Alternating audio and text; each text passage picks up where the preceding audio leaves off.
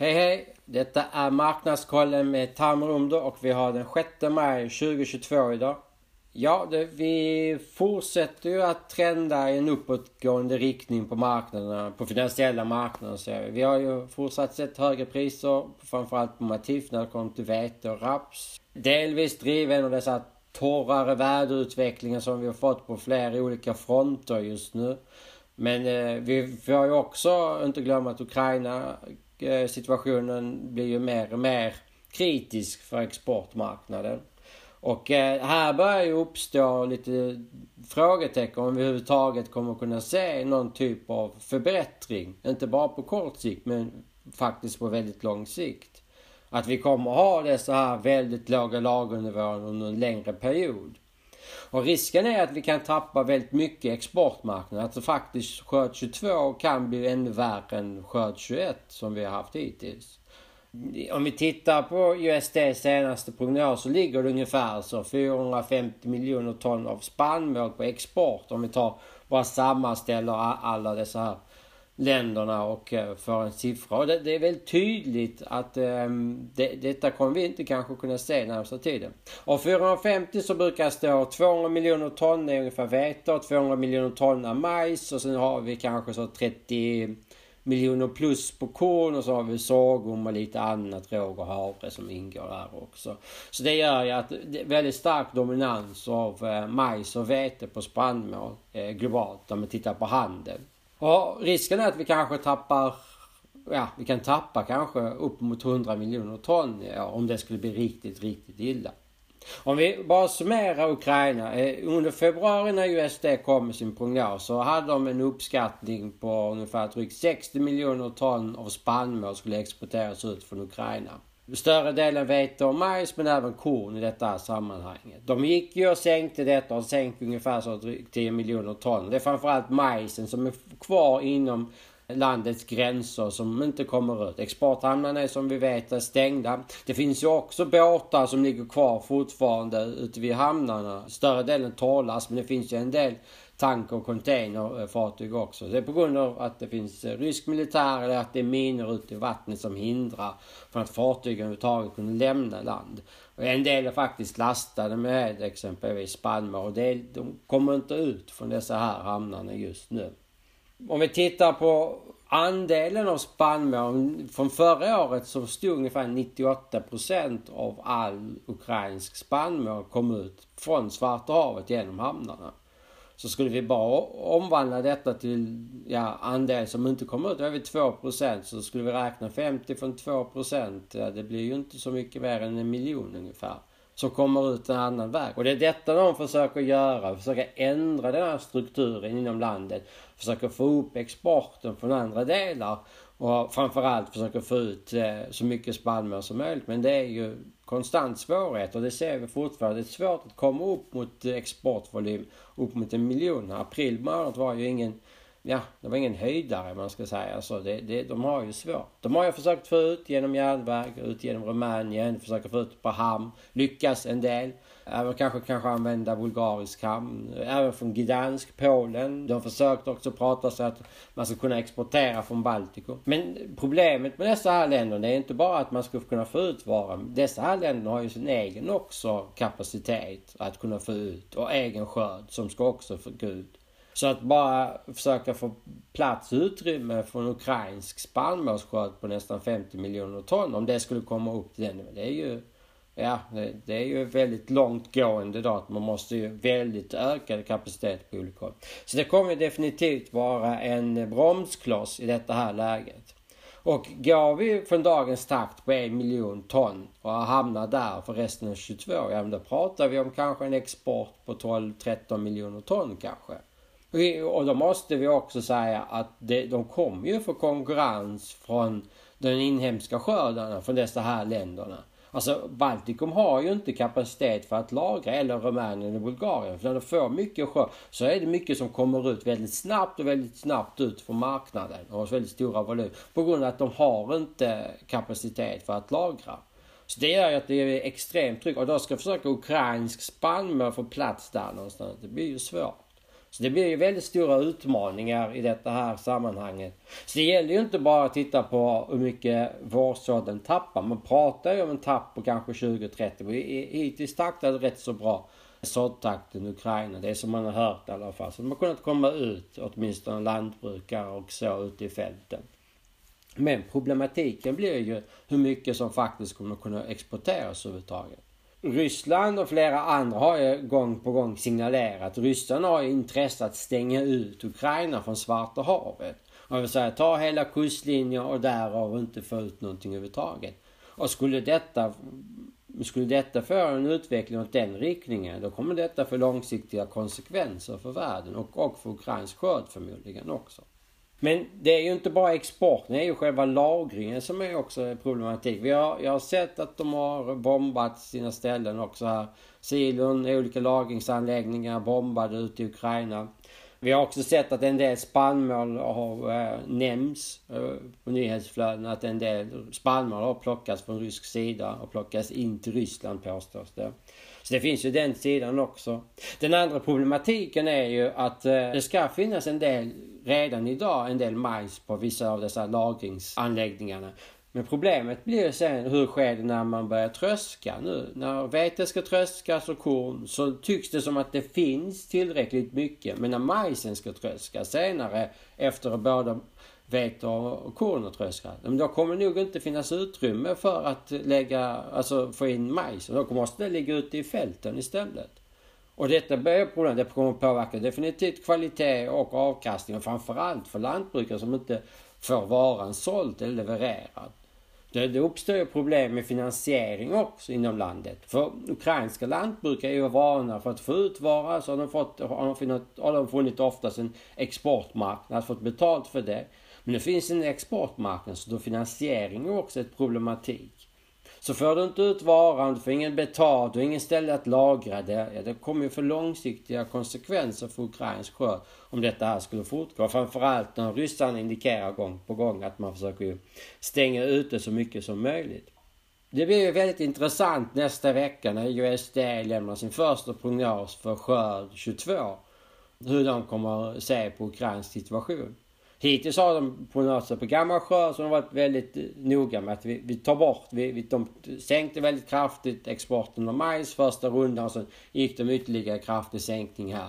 Även om det skulle kunna komma ut lite mer så var de väldigt noggranna med att sänka så mycket som möjligt. Frågan är vad de kommer säga nu. Det är inte bara själva skörden som kommer att bli lägre men det är framförallt exportsidan som blir väldigt intressant att se vad de tycker om den. För just nu taktar vi en miljon ton och det är ju inte speciellt mycket och skulle USD se från den vinkeln så då har vi en helt annan marknad. Men skulle USD se det från Ja men vi tror att eh, detta här tar slut och sen Ukraina kommer att börja kunna få ut lite mer spann. Då har vi en helt annan situation. Sen vet vi inte hur ryssarna kommer att agera. Om de fortsätter ju som de har gjort här på sistone gått och bombat en del anläggningar. Hur de kommer påverka exempel, kommer de påverka att de bombar också vissa järnvägsspår som hindrar Ukraina från överhuvudtaget få ut varor. För det är väl lite av deras taktiska spel just nu ser det ut som att försöka hindra eh, Ukraina från att få ut varor. Så den problematiken i marknaden kvarstår men jag tror att vi, marknaden fortsätter att underskatta den risken som finns. Sen har vi den andra situationen. Ifall det skulle bli vapenvila så finns det gott om spannmål just nu i Ukraina. Så skulle hamnarna plötsligt öppnas upp, eller marknaden förstå att hamnarna kommer plötsligt att öppnas upp. Då har vi en rätt så stor eh, nedsida på marknaden. Definitivt på kvarnvete på Matifbörsen. Kan nog räkna med en 50 plus någonting sånt som tappar rätt så snabbt i omedelbart. För det är rätt så mycket spannmål. Så ungefär 15 miljoner ton plötsligt blir tillgängligt till exportmarknaden.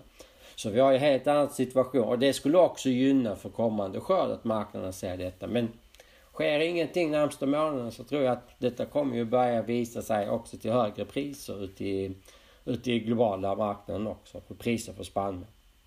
Vi lämnar Ukraina så gör vi vårt vanliga utflykt här. Går igenom USA, eh, börjar på andra sidan Atlanten. 27% av höstvetet i USA just nu bedöms som bra eller utmärkt. Och det är den lägsta siffran sedan 1996. Det har varit torrt och fortsätter vara torrt och det kommer inte bli alls bra härifrån. Vi kan nog räkna med rejäl vete, mm, ja, en rejäl sänkning på amerikansk veteskörd. Ja, det, det kommer inte hjälpa hur, hur än det blir med vårveteskörd. För östvete har fått en stor smäll. Framförallt på Kansas och Oklahoma som är den stora regionen. Även östra sidan Colorado exempelvis som har stora fält där också som påverkat. En del också upp mot nordvästra sidorna där Idaho och Washington ligger också. Lite bättre situation där men även där har det ju haft sin del av torkan som också påverkat skörden. Så definitivt en, en av de eh, värsta situationerna just nu när det kommer till amerikansk höstvete. Sådden, man börjat så också, vårbrukat brukat eh, full rulle där. Men det har ju regnat, och varit kallt och så det är bara 14% av majsen sådd hittills. Detta är lägsta såddtakten hittills på 8 år.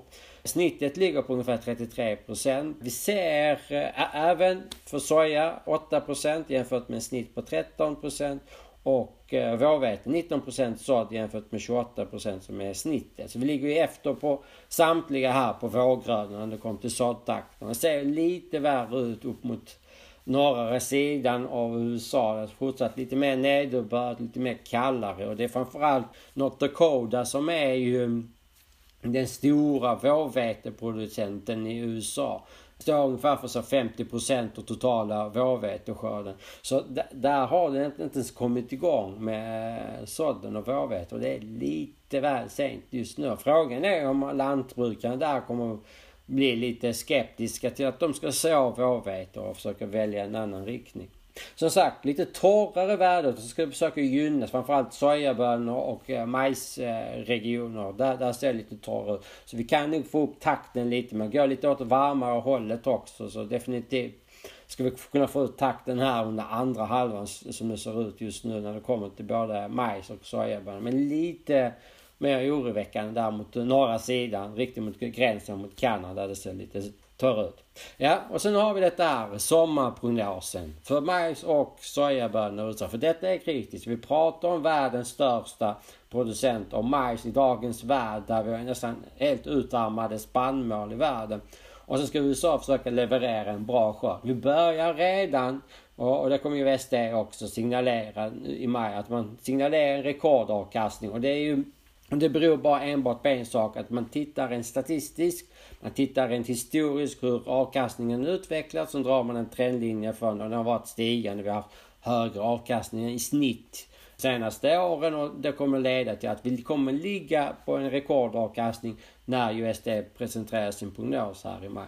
Och det är väl marknaden medveten också. Det kom ju en prognos i februari när USA, eh, USD släppte sin första bara för USA då för majs och soja och för vete en liten preliminär prognos. Nu kommer den första balansen för globala spannmål och oljeväxter nu här eh, nästa vecka den 12.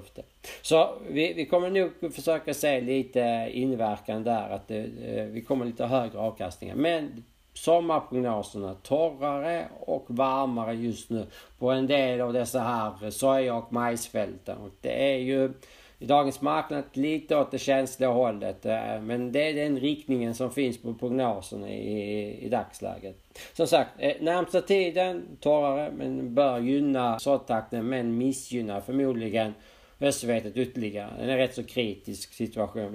Det, det ser ju verkligen, eh, vi kommer bli urkast skörd från USA när det kommer till höstvete. Vi fick också lite data, lite statistik från Kanada. Överraskad blev jag i alla fall. 7% högre veteareal jämfört med tidigare medan kanolen, rapsen, tappar 7%. Eh, tittar vi på marginal eller priser så indikerar ju det att, alltså att det borde bli mycket mer kanoler i förhållande till vårvete. Men eh, just nu den här undersökningen som gjorts bland kanadensiska lantbrukare visar ju en större andel vårvete i förhållandevis och lägre för kanolen. Detta fick vi också lite indikation sen tidigare. Det var framförallt utsädesförsäljningar som visade på att det, det, det, det var kanadensiska lantbrukare skulle så lite mer vårvete än normalt. Eh, än före, föregående år. Så det var ju lite, det fanns lite tendenser till den inriktningen. Men så trodde jag att priset skulle göra att lantbrukaren drog sig lite mer åt kanoler. Men vad det ser ut just nu är det inte något som indikerar. Högre areal också för havre, durum. Havre har lite stigande arealökning här. De har börjat kämpa sig in lite här bland detta situationen. Detta är högsta arealen sedan 2008 så det är väl en tvåsiffrig procentuell ökning. Men som sagt, detta är en undersökning som gjordes mellan första mars till sista mars. Så det, det, är ju, det var innan att detta här kanske, det var ungefär när Ryssland här hade gått in i Ukraina. Så det är mycket möjligt att det kanske sker lite ändringar i lantbrukarens beslut när det väl kommer till, eh, när de ska väl börja så. Lägre för korn, eh, den tappar kornarealen. Det var lite överraskande för mig på tanke på priset på gödsel att det skulle också kanske gynna korn framförallt i förhållande till vete exempelvis. Så det är Nordamerika i en liten eh, sammanfattning. Går vi lite söderut mot Sydamerika. Där eh, kan vi säga att där fick jag lite mer, ehm, fick, fick lite tendenser åtminstone. Och det här höga priset på gödning. Det signaleras nu lite att det blir lite lägre vetare. Ungefär 2% lägre på vetare än första tidiga prognoser här från Argentina. Och 3% högre kornareal förväntas från Argentina. Och det är framförallt detta här med ehm, priset på gödning, att man försöker tillgänglighet, att man behöver mindre gödsel till korn och framförallt den tidiga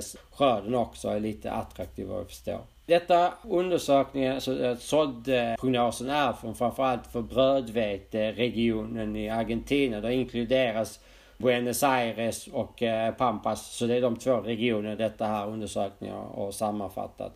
Så det visar ju på att det är ju på verkligen den riktningen. De har precis börjat så där, både vårvete och eh, korn. Detta är regionen så taktar ju lite före. De har rätt så gynnsam här utvecklingsvis. Majsen har ju på tröska 25% tröskat. Sojabönorna är 55% så ligger lite före båda här. I takt åtminstone för båda två på, det, på tanke på att det har varit lite gynnsam väderutveckling för skörden. Brasilien, ja vi har haft torta och det är safrinja som är det viktiga. Det är andra majsskörden, majssådden i Brasilien. Det är den som man sår direkt efter man tröskat sojabönor och det är den som man brukar hamna på exportmarknaden. Det var en riktig katastrof föregående år. Total avkastning ligger på USD på 87 miljoner ton för eh, majs från föregående år. I år, för detta år, eh, så ligger det på 116 miljoner ton. Så man räknar med en större areal, bättre avkastningar.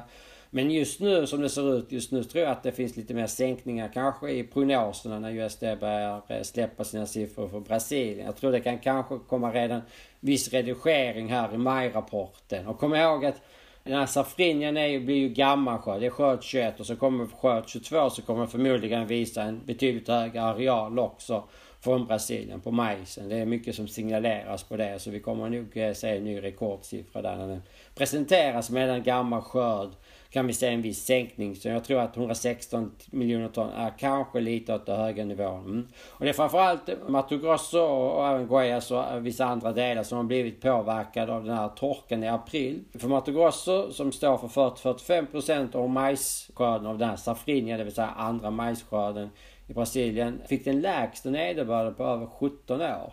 Så detta var en liten signal att det var lite torrt, det var lite för torrt. Jag tror att vi får nog räkna med en viss avkastningssänkning här på majsen för eh, vissa delar av dessa större delar av majsproducerande regioner ute i Brasilien.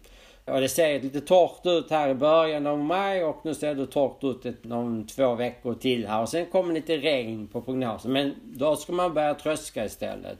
Ungefär eh, Mato Grosso börjar man tröska där precis slutet av maj eller precis början av juni. Så gröna har kommit rätt så långt ut på utvecklingen så där regnet kommer ju inte precis i rättans tid. Den kommer ju lite nog för sent är jag rädd för. Så viss inverkan. Jag tror inte det blir lika hemskt som vi hade föregående år men jag tror att vi måste se lite sänkningar här kanske. Jag tror 10 miljoner ton, någonting sånt så kan vi kunna se lite sänkningar här på gång. Ytterligare ett område som drabbats av torka är ju Indien. Eh, vi brukar ju inte ta upp Indien. Indien brukar vara rätt så stängd av sig. Det brukar ju, eh, det som produceras, konsumeras inom landets gränser. Men eh, på senare tid så har de haft en överskott av vete. Vi har sett en tydlig överskott. Lagren har ja, byggts upp i, i, inom Indien och, och nu har de kommit lite till räddning i världen. Man pratar om 10 miljoner export av indisk vete ute i globala marknader. På tanke på hur tajt situationen snabbt det är så har detta på något sätt lättat lite situationen. Men det har varit extremt varmt, det är extrem hetta som har slagit till rätt så rejält. Och här är jag lite osäker om den verkligen har haft en negativ inverkan eller inte. För de håller på att tröska just nu.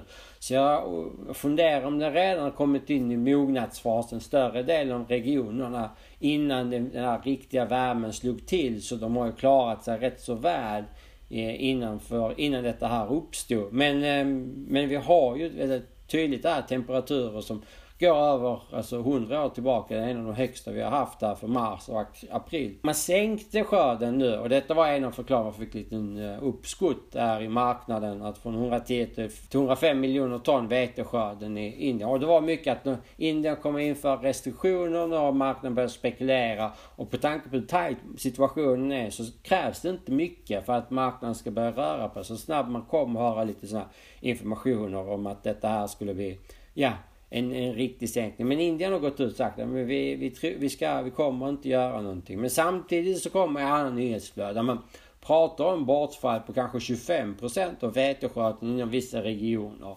Och så blir man lite så misstänksam. Vilken är som är lite mer korrekt? Är det mer den eller lite det myndigheterna säger? Sen har jag annan data, en satellitbild som tyder ju lite på att det har ju varit rätt så okej. Okay. Det ju nog lite för sent. Så jag är ju inte helt köpt på att det skulle vara riktigt illa. Men sen är det ju också en marknad som man inte har haft full koll på hur det ligger till och var, var, hur långt grödorna hade faktiskt kommit innan den här värmen började slå till. Så jag är lite osäker på om det har varit påverkat. Men även torkan och den här extremvärmen har också slagit mot grannländer, Pakistan och Bangladesh. Bangladesh brukar ju importera så 7 miljoner drygt. De brukar vara rätt så en av de större importörerna. Det är mycket möjligt att vi kanske får oss lite högre import där. Men även Pakistan, de brukar ju producera så 25, 26, 27 miljoner ton vete kan ha blivit påverkat lite mer vad jag kan säga. Så det kanske behövs, eh, behövs lite mer import. De, de brukar ligga på ett par miljoner ton av import av vete. Men har det påverkat lite mer kraftigt så kanske det finns lite tecken där kan jag tro. Så lite osäker i den regionen men definitivt en extrem värme som ytterligare en till region som blivit påverkad och ännu, ännu en gång spannmålsbas som har blivit negativt påverkad.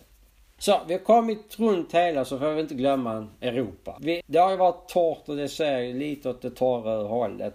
Men vi, vi har ju lite så tillståndsvärden från Frankrike och de visar fortsatt på väldigt höga siffror. 89% kom idag i morse som bedöms som bra eller utmärkt av höstvete. Och det är, ju, det är sänkning från föregående från 91 till 89. Men det är fortfarande högsta på fem år här. Så det är ju siffrorna i det läget säger att det, det kanske ser bättre ut än man tror. Och det, nu börjar vi komma in i axgång där i södra delarna av Frankrike på västra sidan också. Så det, det börjar ju komma upp här i kritiskt tillstånd. Tittar vi på höstkorn, där sänktes det också från 87 till 86 men återigen en av de högsta värdena. Vi ser ut att vara lite tidigare. Den här värmen har ju börjat göra att grödan utvecklas lite snabbare just nu i Frankrike. Och framförallt höstkorn ligger ungefär så en vecka eh, tidigare än normalt i, i dagsläget. Så vi ser ju lite bättre ut på det viset. Även vårvete sänktes från 91 till eh, 89% som bra eller utmärkt. Och även här ligger vi på en av de eh, högsta, den högsta nivån på fem år. Så tillståndsvärden säger en sak men samtidigt så är det prognoserna här som börjar verkligen signalera en torrare utveckling framförallt mot Frankrike. De kommer nå här 30 grader plus eh, hela landet mer eller mindre här om ett par dagar. Sen får vi se. Jag har lite splittrade bilder här. Jag har en del som pekar på att vi har lite mer varmare och torrare. Ungefär man delar Europa från eh, ja, väst Västeuropa från Östeuropa. Alltså man tar ungefär Polen, österut, Baltikum, lite mer svalare och lite mer nederbörd så har jag en prognos som pekar på att vi får lite mer torrare på vår region också och varmare väder. Så den här 30 grader, den kommer ju spegla sig runt om i Europa just nu. Kommer ta sig Frankrike, röra sig lite mer österut, passera sig lite mer Polen, Ukraina, kanske Baltikum också. Så kanske dra sig lite mer centralt. Så får vi se exakt var, hur den utvecklar sig sen. Men det är definitivt en tydlig värmeökning som sker i temperatur här under maj i Europa. Eh, Frankrike kanske exempelvis närmsta 10 dagar så 5 grader högre än normalt i snittväg. Så det ser ju att vissa delar kan ju bli riktigt, riktigt varmt och det, det ser ju fortsatt varmare ut också resten av maj. Så det kan ju påverka definitivt avkastningen. Sen har vi en till prognos, en europeisk. Det ser ut som det kommer lite mer nederbörd på vår sida. Det, det är en front här som kommer nästa vecka. Det ser ut som att om den blir korrekt i prognosen så tar den så norra delen av britterna och sen går in mot Danmark och Sverige och sen fortsätter sig vidare österut. Så välbehövlig regn om det skulle komma. Så vi, vi är lite splittrade i bilden. Men totalt sett så är det ju torrt. Det är ju under det normala och varmare än det normala just nu i hela delen av, större delen av Europa. Framförallt mycket fokus just nu som det ser ut Frankrike men även Tyskland och södra delen av britterna. Så får vi se om det sträcker sig mot Danmark och södra Sverige, om det tar östra delarna också exempelvis.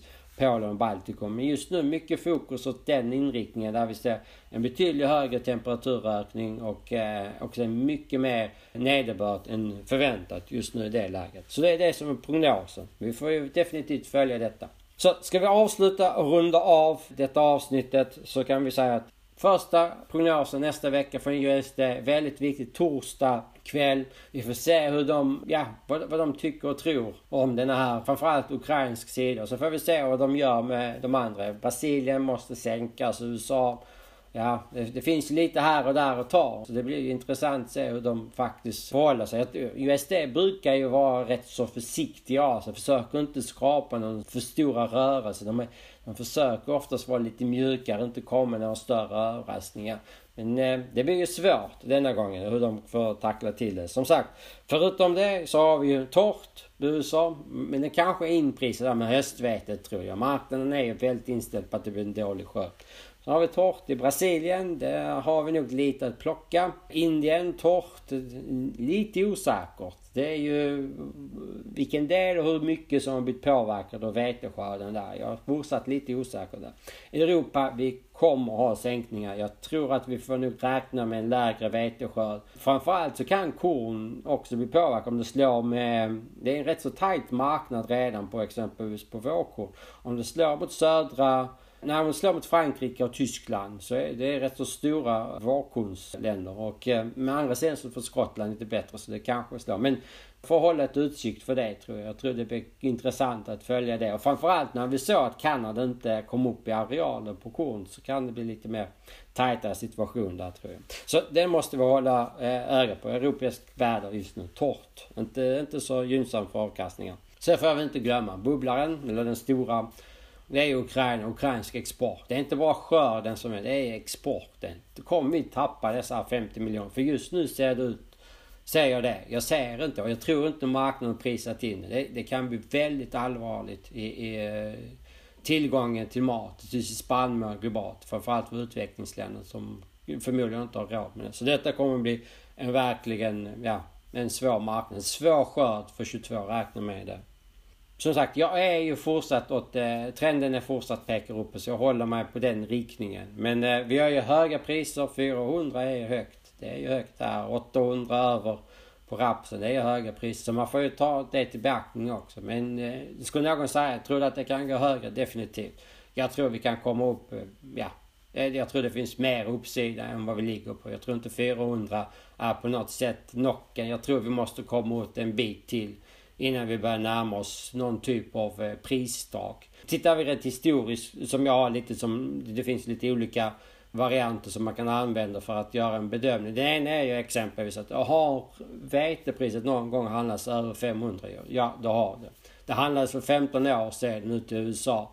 Det handlades på över 500 euro. Så jag tror att definitivt att vi har den som lite som något. Jag säger inte att vi kommer upp till det men det kanske ger en viss indikation att det finns fortsatt en bra uppsida i marknaden. Men å andra sidan så är också 400 väldigt höga priser. Men vi har ju väldigt speciell situation med Ukraina och den här torkan som börjar slå lite överallt i världen. Det, kommer definitivt göra att skörd 22 kommer att bli mycket mer svårare att hantera globalt än vad skörd 21 var. Det får sätta punkt för detta avsnitt. Jag får tacka så hemskt mycket för att ni har lyssnat och en fortsatt trevlig vecka. Hej hej!